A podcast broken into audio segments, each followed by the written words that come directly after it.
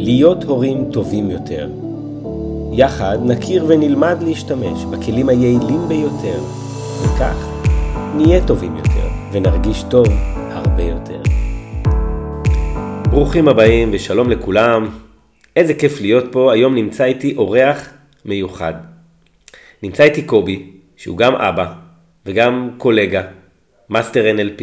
היי קובי. שלום, הכרנו דרך ה-NLP. לגמרי. מה שלומך? ממש טוב, כיף להיות פה. תודה שהזמנת אותי.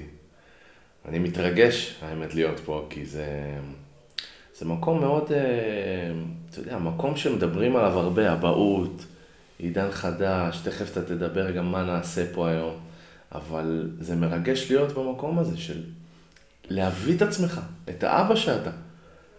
לגמרי, לגמרי, לגמרי. אז ספר לנו קצת על עצמך. אה, אני אבא, קודם כל, לפני הכל, ואני בן זוג, אה, יש לי אה, ילד קטן, בן שנה ועשר עוד מעט, ובמקור אני מנס ציונה, היום אני גר ברחובות. בהכשרה שלי אני מאסטר NLP, אני עוסק בתחום של הנחיית קבוצות, מלמד קורסים בעולמות של פסיכולוגיה חיובית ותת עמודה.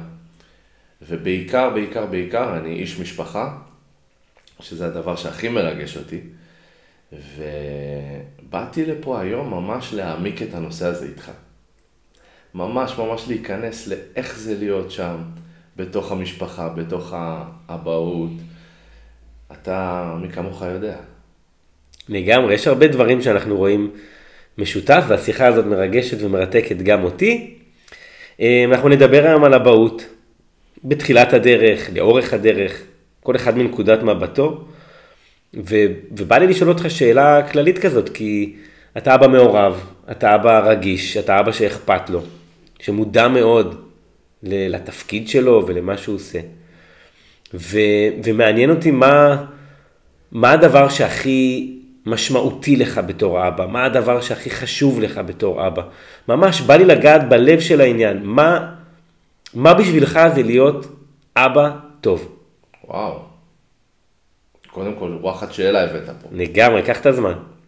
אני חושב שכדי לענות על השאלה הזאת בצורה ככה מעמיקה, כי אתה יודע, פודקאסט, באנו פה להעמיק שנייה, אני חושב שצריכים קצת לחזור אחורה. קח את זה. כאילו צריך קצת לחזור למקום שבו אנחנו גדלנו. אני גדלתי בנס ציונה, אה, שכונת עמק השושנים, גן תפר, כל יום יורד בארבע אחר הצהריים, לעשות כיף עם הילדים בשכונה, חברים. אבל אנחנו צריכים גם uh, לשאול את עצמנו את השאלה הזאת, האם אנחנו כבר בילדות זיהינו, uh, האם אנחנו רוצים להיות כמו ההורים שלנו, או האם אנחנו רוצים להיות אולי משהו אחר, ובאופן לא מודע מתקבלת שם איזושהי החלטה בילדות שלנו לאיזה כיוון ללכת. ואני חושב שבכיוון שלי, אני באמת מגיע מתוך מקום שרציתי מההתחלה השייכות. רציתי מההתחלה את המקום שאולי היה חסר לי. אה, וזה הוביל אותי במהלך כל החיים לחפש את המקום של המשפחה, של היציבות, למרות שבטבע שלי אולי אני קצת מחפש את החופש, אבל, אה, וזה גם קונפליקט שאולי שווה להעמיק אותו בפרקים אה, אחרים, אבל באמת לשאול את עצמנו מה אנחנו רוצים להביא. מה השדרוג שלנו? בטח אתה מכיר את זה. לגמרי. ו, ובטח גם שאלת את עצמך, ובתור בן אדם מודע כמו שאני מכיר אותו, גם בטח חידדת לעצמך. מה הדברים שאתה מתקן מהילדות והם הכי חשובים לך? כי שייכות זה, זה אה, צורך בסיסי, פסיכולוגי של כל בני האדם, אבל, אבל איך זה בא לידי ביטוי אצלך? מה זה אומר שייכות? זו שאלה מדהימה. כי יש שייכות שאתה כביכול שייך בתוך משפחה, אבל אתה לא מרגיש שייך. ויש שייכות שאתה יודע שזה המקום שלך, ולפעמים, איך אומרים, הבית שלנו זה איפה שהלב שלנו. אמ, אז, אז זה, זה באמת ככה, כי זה לא חשוב המשפחה הגשמית. אז יש לנו את אותו שם משפחה. אז אנחנו גרים באותו בית. אבל בתפיסה שלי, זה לא מה שחשוב. מה שחשוב זה שאתה מרגיש עם האנשים שאתה אהוב ומקובל, שרואים אותך. זאת משפחה אמיתית. וכשאני התחלתי לחפש את המקום הזה, זה בהחלט בא מתוך אה, אה, צורך, צורך בזה. אולי זה משהו שלא הרגשתי שהיה לי, ולאורך כל החיים רציתי. ובאמת אתה רואה לכל כל תחנות החיים שלי, אתה רואה את ה... אה, אפשר לראות את הרצון הזה בשייכות. בין אם זה עכשיו לרדת בארבע לגן שעשועים ולאסוף סביבי ילדים, ושם לעשות את ההדרכת והנחיית קבוצות שכבר אני עושה היום עם מבוגרים. ובין אם זה אחר כך ליצור כל מיני פורומים בילדות, ולדאוג שיהיה חבורה מאוחדת בין כל החברים. והמקום הזה שהוא נותן לך להרגיש שאתה שייך. ואז עם המשפחה, ופתאום אתה מכיר את האישה שלך, ופתאום אתה רוצה להקים בית. והשלב הבא זה גם להפוך להיות אבא. אבל זה כבר סיפור בפני עצמו, כי, כי המקום הזה של להפוך להיות אבא, בעיניי הוא מקום שצריך לבוא, מקום מאוד פנימי. אמ, ואז הדברים בחוץ, אתה, אתה מתחיל באמת לבוא ממקום טוב לדבר הזה. כי, כי באמת אין, אין, לנו, אין לנו אפשרות להביא ילדים לעולם ו, ולהתחרט על זה. הם יהיו כל הזמן איתנו. יש לנו אחריות עצומה. המקום שאני פוגש את השייכות, שבדיוק עליה אתה מדבר, של, של להיות ביחד, של יאהבו אותי ויקבלו אותי בדיוק כמו שאני, מגיעה לפעמים גם לצמתים, לאתגרים, לקשיים. ואני זוכר שכשהבת הבכורה שלי הייתה הבת היחידה, אז היו קשיים של הורות, כמובן. וכשהיא הייתה קטנה, היה יותר קל לקבל אותה כמו שהיא. והיום, כשיש עוד ילדים, ויש לכל אחד צורך מיוחד משלו, ולכל אחד חשק למשהו אחר ודחף שונה, ואתה מקבל מגוון התנהגויות בבית, פתאום זה נהיה מאתגר, כי לא הכל מוצא חן בעיניך. אז איך אתה בעצם הופך להיות האבא הזה שהוא הופך להיות חוט השני, שמקשר בין כל ההתנהגויות ובין כל הצרכים? אמ, וואו. מה שעולה לי בראש זה פשוט walk the talk, דוגמה אישית. אם אתה רוצה שכולם בבית יקבלו את כולם, אם אתה רוצה שהשייכות הזאת היא לא רק תהיה מצד ההורים או מצד אבא, שאבא מקבל את כולם, אלא שכולם מקבלים את כולם, שגם לא יקבלו אותי בתור אבא כמו שאני, אז אני מאמין שאתה צריך לתת דוגמה אישית, שאתה צריך להראות את זה בהתנהגות שלך, להאמין בזה, להתנהג ככה, ולא רק להגיד על הכל, הכל בסדר, ממש לא. זה מעניין שאתה משתמשת במילה הכל בסדר, כי זאת המילה שאני גדלתי איתה. כשאני שאלתי את ההורים שלי, אמא, מה קורה, אבא, מה קורה? אמרו לי, הכל בסדר, יהיה טוב. אתה מכיר את זה, נכון? לגמרי. זה קצת כזה ממסך משהו? זה אפילו לא קצת, זה ממש ממסך. זה ממסך רגשות, זה ממסך תחושה של אה, אולי מסתירים ממני משהו. והמקום הזה של הכל בסדר ויהיה טוב, אנחנו, אתה יודע, אנחנו גם אנשים שלמדנו את הכוחו של תת המודע. ואנחנו מבינים שכשאומרים לנו יהיה בסדר, כבר עכשיו ההנחה המסתתרת שמשהו לא בסדר, עכשיו. כי צריך להיות בסדר. והילד קולט את זה, ואני קלטתי את זה בגיל צעיר מאוד, שמשהו שם לא בסדר. אמ, ו, וזה מוביל אותי בעצם ל, ל, למה שדיברת מקודם, שהוא סופר משמעותי בקטע של אבהות, זה שפעם האחריות, שהיום אתה מתאר אחריות כלהוביל את הבית, לעשות איזושהי אה, walk the talk, כמו שאתה אומר, פעם זה לא היה ככה, האחריות הייתה נופלת יותר או מונחת יותר על, כתפ... על הכתפיים של האימא. והאבא תפס יותר מקום של מפרנס, תפס יותר מקום של אה, כזה אחד שאולי חוזר בשעות אחרות ולא נותן אה, את התשומת לב שאולי הילדים היו מבקשים. ואני גדלתי עם אבא כזה. וזה מעניין לחשוב איך העידן החדש מביא איתו גם הרבה הרבה דברים לתוך האבהות. מה, מה אתה חושב על זה? לגמרי. אני, אני חושב שהיום האבא של ימינו זה לא, זה לא אבות שהיו פעם, לא ברמת האחריות, במעורבות, בקרבה, בקשר. הצרכים של הילדים היום הרבה יותר אה, מגוונים, ויש הרבה מה לעשות והרבה מה לדעת, והרשתות החברתיות והטלפונים והדרישות של בתי הספר להיות הרבה הרבה יותר מעורבים. גם אני זוכר שכשהייתי ילד היינו יורדים לחצר ויאללה, ביי, להתראות. היום אנחנו יודעים איפה הילדים כל הזמן, אנחנו בקשר עם הילדים כל הזמן, הם מתקשרים, הם... גם אם אתה אבא שחוזר מאוחר, אתה הרבה יותר מעורב ממה שפעם היה אבא שחוזר בערב, או שאתה ישן או שאתה עוד רגע ישן, שואל אותך איך עבר היום, אתה עונה לו בקצרה ובזה זה נגמר. זה גם אחד המקומות שבהם אני החלטתי שאני אהיה אבא אחר. התקופה שאנחנו אבות לילדים צעירים היא קצרה. כמה זמן הם צעירים? עשר שנים, חמש עשרה שנים, מתוך כל החיים שהם, לא יודע, לפחות 70 שנה להיות אבא, לא יודע, 80, כמה שנהיה אופטימיים. החלק הזה של הקושי וההרדמות והבכי הוא קטן בכל החיים. הקשר הוא ארוך, צריך לבנות אותו מההתחלה. וואו. וואו.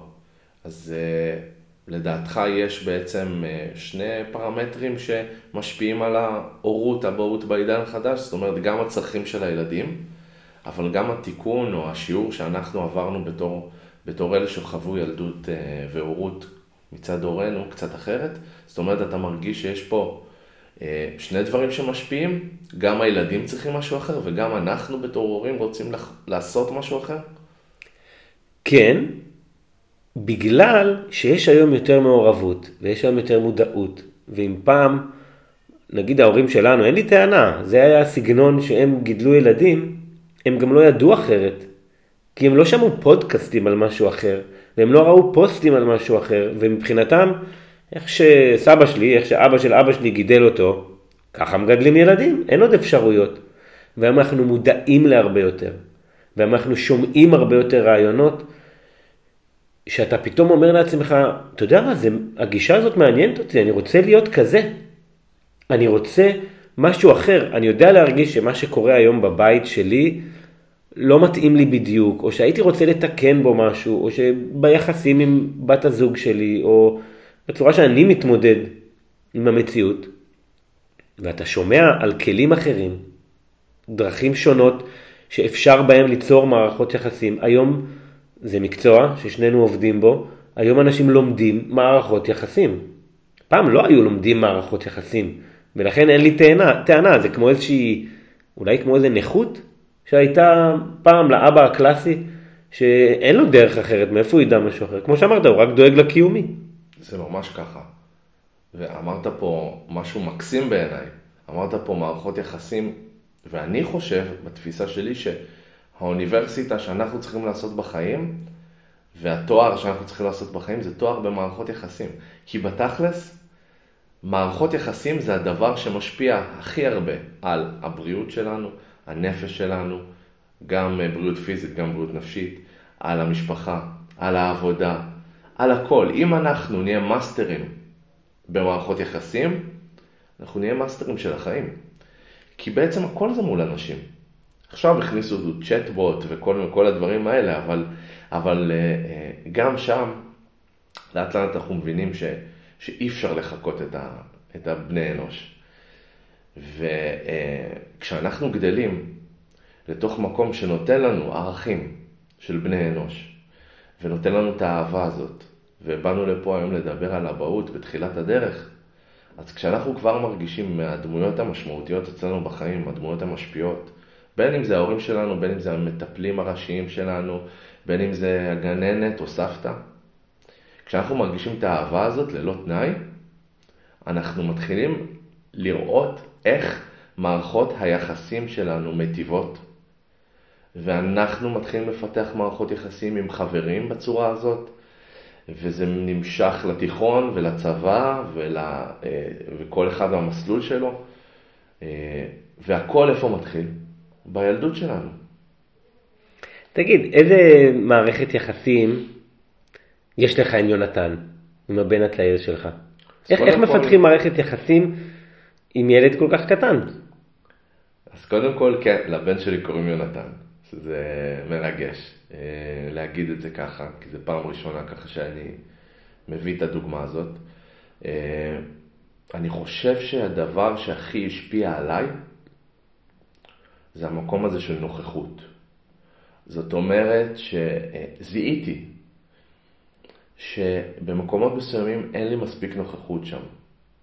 ואני עסוק או בדברים שקרו בעבר או בדברים שאני רוצה שיקרו בעתיד, אבל בהווה אה, היה לי שם איזשהו קושי בתחילת הדרך כשיונתן היה ממש קטן, ושם אני חושב שזה כמו מראה שאפשרה לי שנייה לעשות איזושהי עבודה רגשית עם עצמי, עבודה מנטלית, של להבין שאני צריך להשתפר מזה. אז הדבר הראשון שעשיתי זה להתחיל לחקור. אני מטבעי בן אדם שחוקר ואוהב ידע, ומנגיש אותו לעצמי לחיים בצורה הכי טבעית. אז הדבר הראשון שקראתי זה ספר של אה כוחו של הרגע הזה. ושם למדתי שהדבר המשמעותי שאני יכול לעשות בהורות שלי, באבהות שלי, זה להיות נוכח ברגע הזה. ולמדתי שם בספר הזה להביא את עצמי בצורה הכי פשוטה לנוכחות הזאת, ואני אתן לך דוגמה.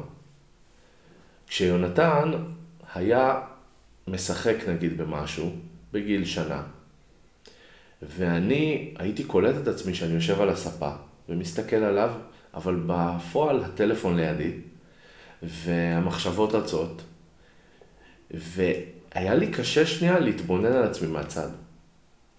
ופתאום באמצעות הספר הזה, באמצעות כלים שרכשתי, הסתכלתי על עצמי מהצד, והתחלתי לשאול את עצמי שאלות.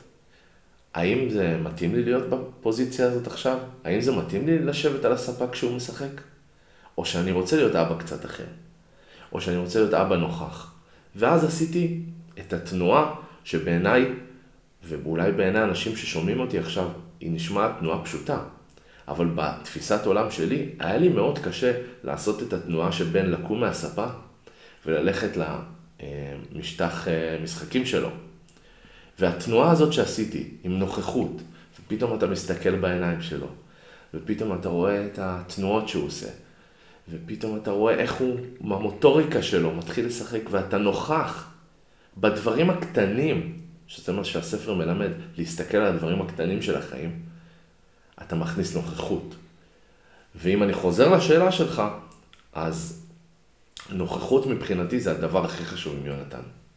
הכי חשוב, כי אז הוא מרגיש שאני איתו. וכשאני בנוכחות, אני לא חושב על מה שהוא עשה לפני.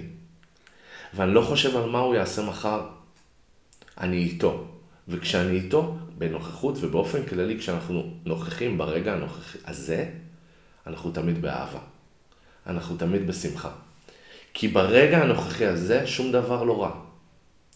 מה שרע זה ה mind שלנו, זה המוח שלנו שמושך אותנו למשהו שהתחרטנו עליו בעבר, או למשהו שאנחנו מפחדים שיקרה בעתיד. אבל אדוארד, שאומר את זה בספר, אקהרט, סליחה, אקהרט שאומר את זה בספר, אומר שברגע הנוכחי אין שום דבר רע. וכשאתה מרגיש את זה בגוף, שכשאתה עם יונתן, משחק איתו, אין שום דבר רע ברגע הזה, אז אתה מרגיש שבעצם אתה אבא. שם, שם התחלתי להרגיש שאני אבא. אבל בא לי לשאול אותך, איפה אתה פוגש את הנוכחות הזאת אצלך היום? כי הילדים שלך הם יותר גדולים מיונתן.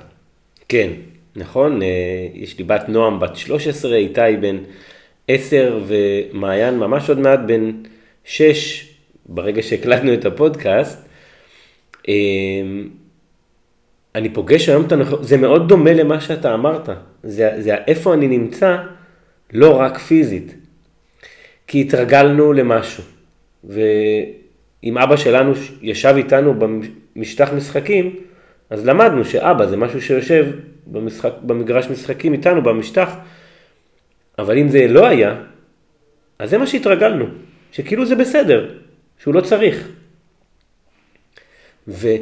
והנוכחות שלי היום באה לביטוי במקומות שבהם אני בוחר להיות, וכמו שאתה אומר, all in, בוחר להרגיש את הרגשות שמרגישים אותם כרגע, אה, להיות בחוויה עצמה, בתשומת לב, כל כך קל היום להיות מוסך מהטלפון, או מהמחשבות, או מהטלוויזיה, או מהמחשב, או מהאלף דעות שעוברות סביבנו ומחשבות, אבל להיות כאן ועכשיו זה להיות כשהילד שלך בוכה, וכשהילד שלך מתפרק, ושהוא צורח ואתה לא יודע מה לעשות, ואתה מרגיש, מתחילה לעלות כזאת ההרגשה בבטן של החוסר אונים הזאת של אין לי מושג מה לעשות, אני רוצה לשפר את המצב, אבל אין לי מושג.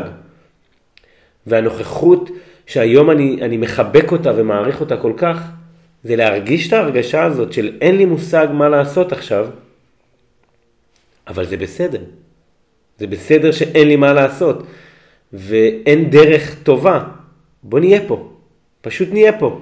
נציע את מה שאנחנו יכולים להציע תמיד, שזה הקרבה, שזה החיבה, שזה החום, שזה אהבה. להבין שלפעמים לא ירצו אותה. לפעמים לא יעזור חיבוק כדי להשתיק או להרגיע ילד בוכה. לפעמים הוא לא מחפש משהו, הוא כרגע פשוט בוכה. הוא כרגע מביע משהו שקשה לו, ולמרות שאין לך מושג מה זה, אתה עדיין נותן משהו בזה שאתה שם.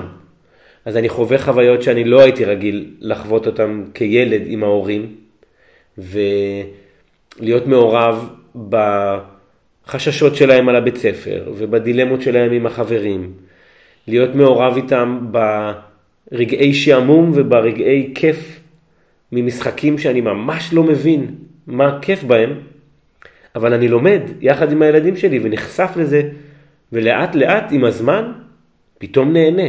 נהנה מהחיבור, נהנה מלהכיר את העולם שלהם יותר טוב, וזה הנוכחות. אני מרגיש שאני נוכח יותר בעולם שלהם, ולא פיזית במקום שלידם. שאני נוגע ביותר מקומות בחוויות שלהם ובאירועים שלהם, שאחרי זה הם, הם בסוף זיכרונות, הם בסוף משהו שעשינו יחד, לא משהו שאני עשיתי, אלא משהו שעשינו יחד, והיינו שם יחד. ו, והנוכחות הזאת היום אה, אה, נוגעת לי ללב הכי הרבה, מלמדת אותי הכי הרבה על עצמי, אני מתפתח ממנה בצורה בלתי רגילה, לומד מהילדים שלי כל כך כל כך הרבה, לומד מהבת זוג שלי כל כך הרבה על עוד דרכי התנהגות, על עוד אפשרויות. אתה יודע, אנחנו מרגישים שאנחנו יודעים מה אנחנו צריכים לעשות, אנחנו מבינים מה אנחנו יודעים. וכשאתה רואה את בת הזוג שלך מגיבה לאותה סיטואציה בצורה שונה, וממקום כל כך אה, שוויוני ומשתף, הדעה שלה קבילה ונכונה בדיוק כמו שלך.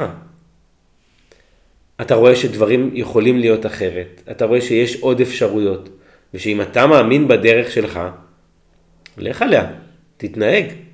זה לא אומר שהדרך הזאת היא הנכונה, זה הדעה שלך. ריגשת אותי קודם כל. הסתכלתי על העיניים שלך בזמן שדיברת, והרגשתי. הרגשתי את המקום הזה, ומה שהכי ריגש אותי במה שאמרת, זה שאתה מכיר את העולם הפנימי שלהם. לטובת. מי שמאזין עכשיו, אנחנו צריכים להבין משהו אחד מאוד בסיסי לדעתי בהקשר הזה של אה, הילדים שלנו, וגם בני הזוג שלנו, בנות הזוג שלנו. לכל אדם יש את העולם הפנימי שלו. וכשאנחנו עושים את התנועה הזאת לכיוון עולמם הפנימי של הילדים שלנו, ומנסים להבין את השפה שבה הם מדברים שם, להבין את הדימויים שבה הם עובדים, בהם הם משתמשים בהם. מנסים להבין איך הם חושבים, איך הם מרגישים, מה מפעיל אותם, מה מעצבן אותם, אבל מה, מה גם משמח אותם. כשאנחנו מתחברים לעולם הזה, קל יותר, מגיל צעיר כבר, להבין ואפילו אולי לחבר אותם למי שהם. כשאנחנו מנכיחים ומדברים עם העולם, עם הילדים שלנו, על העולם הפנימי שלהם, זה נותן להם מקום. זה נותן להם מקום, זה נותן להם אישור, זה נותן להם לגיטימציה, שהעולם הפנימי שלהם הוא טוב, וזה בסדר להרגיש מחשבות או רגשות, וזה בסדר להתנהג בצורה מסוימת. ואבא ואימא פה איתך, תמיד, גם אם הם כועסים, הם עדיין איתך. גם אם הם כועסים, הם תמיד יהיו פה איתך. גם במצבים ה... ובאנרגיות היותר נמוכות, באנרגיות היותר גבוהות. ואני מוקסם מזה שאתה פשוט חודר לתוך עולמם של הילדים שלך, עולמם הפנימי. כי יש הבדל בין התנהגות לבין צורך. נכון? אתה, אתה חוקר את העולם הזה. אנחנו מסתכלים על הילדים שלנו ואנחנו רואים התנהגות, אבל מתחת להתנהגות הזאת יש הרבה מעבר. בתיאוריה האדלריאנית מתייחסים לשייכות כ- כצורך הפסיכולוגי הבסיסי והיסודי וה- ביותר של כל בני האדם. שכשאדם לא מרגיש שייכות בצורה מלאה, הוא כמו אדם תובע, הוא כמו אדם שזקוק לאוויר לנשימה, והוא ינסה להשתייך בכל דרך שהיא, גם בדרך מפריעה וגם בדרך אה, מקדמת. ואותה השתייכות שהיא צריכה להיות מתאימה למה שהילד צריך, דורשת היכרות מאוד מעמיקה, כדי שאתה תדע מה בדיוק הילד שלך מפרש כשייכות, מה באמת נוגע לו ללב, התגובות שלך, המחשבות שלך, השיתופים שלך. אנחנו כהורים נתקלים באתגרים. הילד מתנהג בצורה, לא יודע, צורח, זורק משהו, זורק לך, אה, לא יודע מה, את השוקו, מפיל את השוקו על השטיח, נהיה כתם, ואתה מתעצבן, והילד בודק מה, מה אבא עושה עכשיו, מה הוא מרגיש, כי אם הוא כועס, כנראה שאני לא טוב, כנראה שאני לא בסדר. יכול להיות שאני מתעצבן שהדבר הזה קרה, אבל אני מבין שהילד שלי לומד והוא מפתח יכולות מוטוריות. אז אם אני אגיב בצורה שעדיין תיתן לו להרגיש שהוא עצמו בסדר, קרה כאן אה, מעשה שהיה פחות, אה, לא יודע, נעים, נוח, מסודר, נקי, ושזה הגיוני שכזה דבר יקרה אצל ילדים, אבל עדיין אתה בסדר, אני עדיין מקבל אותך, אני עדיין אוהב אותך, ובדיוק כמו שאמרת. וככל שנכיר את העולם הפנימי של הילדים יותר, נדע מה הכי מרתיע אותם, מה הכי כואב להם, מה הכי מרחיק אותם מאותה תחושת שייכות. ואז נוכל לעשות את התפקיד הזה הרבה הרבה יותר טוב. זה וואחד תפקיד. כן, אה? תפקיד... נראה לי התפקיד הכי משמעותי שלנו, בעיניי, בתפיסה שלנו, אנחנו עובדים כל החיים, אנחנו בני זוג, ואנחנו מקימים משפחות, ואנחנו מביאים ילדים לעולם. והילדים האלה הופכים להיות אחר כך אנשים גדולים. כן, אה, זה עובר מהר. אני אומר לך, זה עובר מהר. טיק טק יונתן בר מצווה. אז בא לי לשאול אותך, תגיד, משהו הפתיע אותך באבהות? מאוד. קודם כל הפתיע אותי שאני אה, מרגיש שאני עושה דרך, ושאני אה, נמצא באיזשהו מקום של התפתחות אישית מטורפת בהקשר הזה של אבהות. אני מקבל פה שיעורים ותיקונים. כל יום אני נמצא באיזושהי, אה, באיזשהו ריטריט אחד גדול של התפתחות מנטלית, רגשית. לדעת להרגיש. אני חושב שאחד הדברים הכי משמעותיים שאני לומד זה לדעת להרגיש יותר. כי אני תמיד אומר גם בסדנאות שלי ובכל מקום שאני מגיע, שהחיים, בהתחלה שנולדנו היינו טהורים. היינו בלי כל התנהגות, היינו, יש רק שני פחדים לתינוק שנולד. יש את הפחד מנפילה ופחד מרעש. מי שמכיר כשמניחים תינוק בלול, יש את האפקט של מורו, שהוא מרים כזה את הידיים. וזה הפחד בעצם מנפילה, אבל במקור כשנולדנו, נולדנו טהורים בלי כל התנהגות. אני שם בצד שנייה את כל העניין נגיד של אה, מחלות חס וחלילה, או דברים שהם אה, יותר גנטיים. אבל במקור, היינו שם באיזשהו מקור מאוד מאוד מאוד טהור. וכשאנחנו עם השנים, עם הדברים שקורים במציאות וכל החוויה של לחיות בעולם הזה שהוא באמת עולם מאתגר. אנחנו מין שמים שכבות של שכבות של שכבות על הלב שלנו ופחות ופחות מרגישים. בין אם זה במודע ובין אם זה לא מודע. צחקו עלינו בכיתה? שמנו שכבה. אמרנו, מיש, אמרנו משהו ומישהו ביטל אותנו? שמנו שכבה. מישהו שפט אותנו, אבא זרק לנו הערה? עוד שכבה ועוד שכבה ועוד שכבה, ואז אתה מגיע, כשאנחנו הופכים להיות הורים, השכבות האלה נמצא, נמצאות. והעבודה שאני עושה עכשיו, ההתפתחות, הריטריט הזה שאני מדבר עליו, זה להסיר את השכבות. נכון, אנחנו שנינו מעולם ההתפתחות האישית, ו- ועובדים עם קהל, ועובדים עם אנשים בקליניקות. ואנחנו מביאים את עצמנו לעבודה המודעת הזאת, ומסירים את השכבות גם שם. ובכל המסע החיים שלנו, כדי לעשות את, ה, את החיים שלנו יותר טובים, אנחנו מסירים את השכבות. אבל הילדים שלנו הם המראה שלנו. ושם השכבות, מי שידע לעשות את העבודה הרגשית הזאת ולהסתכל על עצמו, מה קשה לו, מה מאתגר אותו, איך הוא מביא את עצמו יותר לנוכחות, ודיברנו על הדברים האלה בפודקאסט. אני חושב שימצא את עצמו בריפוי מאוד גדול. בריפוי מאוד גדול, הלב ייפתח, השכבות של הבצל האלה ייעלמו לאט לאט ויוסרו, ואז אנחנו לאט לאט חוזרים גם למקור, למקור שבו, למקור שבו התחלנו, למקום הנקי של האהבה הזאת. אה, ויש לזה השפעה מאוד מאוד גדולה על הילדים שלנו. אני חושב שאנחנו לומדים לא להרגיש עם הזמן בגלל אותן שכבות. וכשהילדים מגיעים, הרגש הוא כל כך עצום, שלפעמים השכבות לא עוזרות, ואתה מרגיש עדיין אה, תסכול שזה לא הלך כמו שרצית, או פחד שאתה לא יודע מה לעשות, או אושר ו- ושמחה טהורה, כמו שבחיים לא, לא התלהבת מכלום. ואתה לומד יחד עם הילדים להרגיש דברים ולקבל אותם. הרי אני אבא טוב, מה, אני רוצה להיות אבא טוב, אני בטח. ואתה פוגש את הרגעים שבהם לא היית אבא טוב. ואתה פוגש את הרגעים שבהם הגבת לא כמו שרצית. וכשאתה מקבל את זה, הילדים שלך רואים את זה. וכשאתה מדחיק את זה, הילדים שלך רואים את זה. הם רואים את ההתנהגות שלנו, הם רואים את השפת גוף שלנו, את התנועות פנים. כשאנחנו במריבה איתם, הם מסתכלים אלינו, הם לא מסתכלים פנימה אה, לשפוט את עצמם ממקום של מוסר. הם בודקים מה אנחנו עושים ומה אנחנו אומרים, ואיך אנחנו נרגעים, ומה אנחנו עושים כשאנחנו נרגעים. וה, והמראה הזאת היא כל כך מראה מגדילה, כמו המראות האלה במלונות ש, שהבנות מתאפרות איתם, אז ממש אתה רואה כל, כל שערה וכל קמטות בפנים. ואתה פוגש את זה וזה באמת הזדמנות, או לקחת את זה וללמוד על עצמך ולהתפתח ולהשתפר, או לכסות את המראה באיזושהי מגבת ועדיין לא, עדיין לא לתת לזה להיכנס פנימה.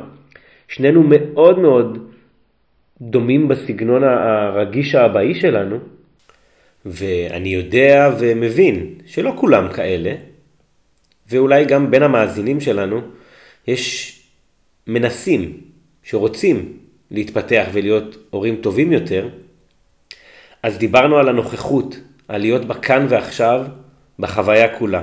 דיברנו על השייכות, שמתחילה תמיד בסיפור האישי שלנו, במה זה שייכות בשבילנו, מה אנחנו הרגשנו כילדים קטנים. דיברנו על האבא החדש בעידן הנוכחי, על המידע, על הידע, על הצורך שהשתנה מצד הילדים, ודיברנו על השכבות שאנחנו לפעמים שמים, תמיד, כדי להרגיש בדרך שתגן עלינו הכי טוב.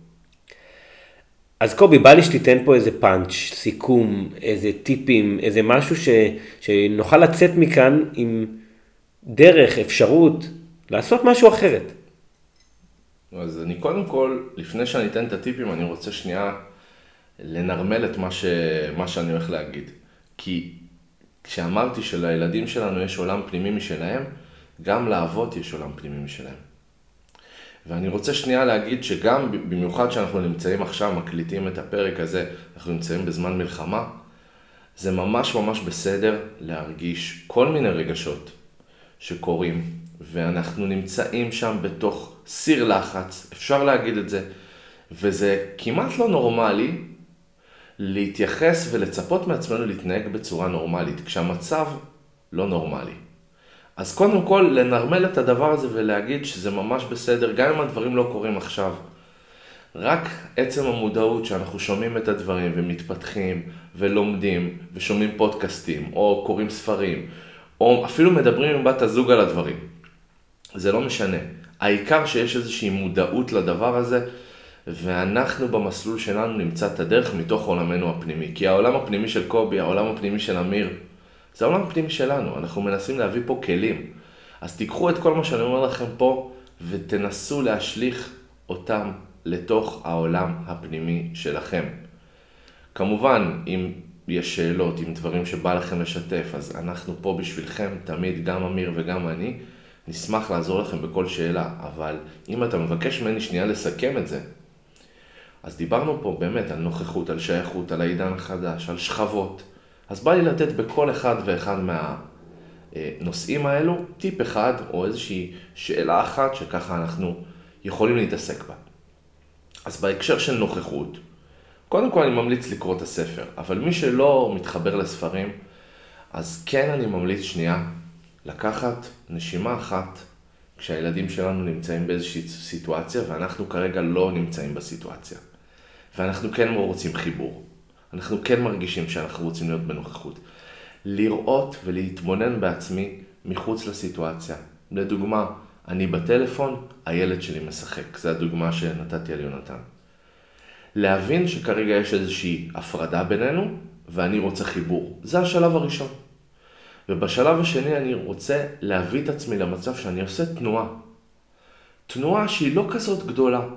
אני לא רוצה לזוז מאזור הנוחות שלי ועכשיו לבוא אליו בהכי חיבוק והכי כאילו אהבה והכי זה, כי גם הוא ירגיש שזה אולי לא מדויק.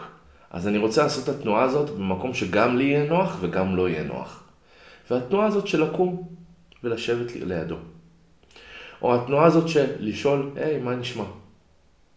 או התנועה, של, התנועה הזאת של, של להסתכל עליו בעיניים טובות. כל אחד ימצא את התנועה שלו. והדבר הזה מביא אותנו לנוכחות, כי אנחנו מביאים את זה ממקום מודע. נוכחות תמיד מגיעה ממקום מודע.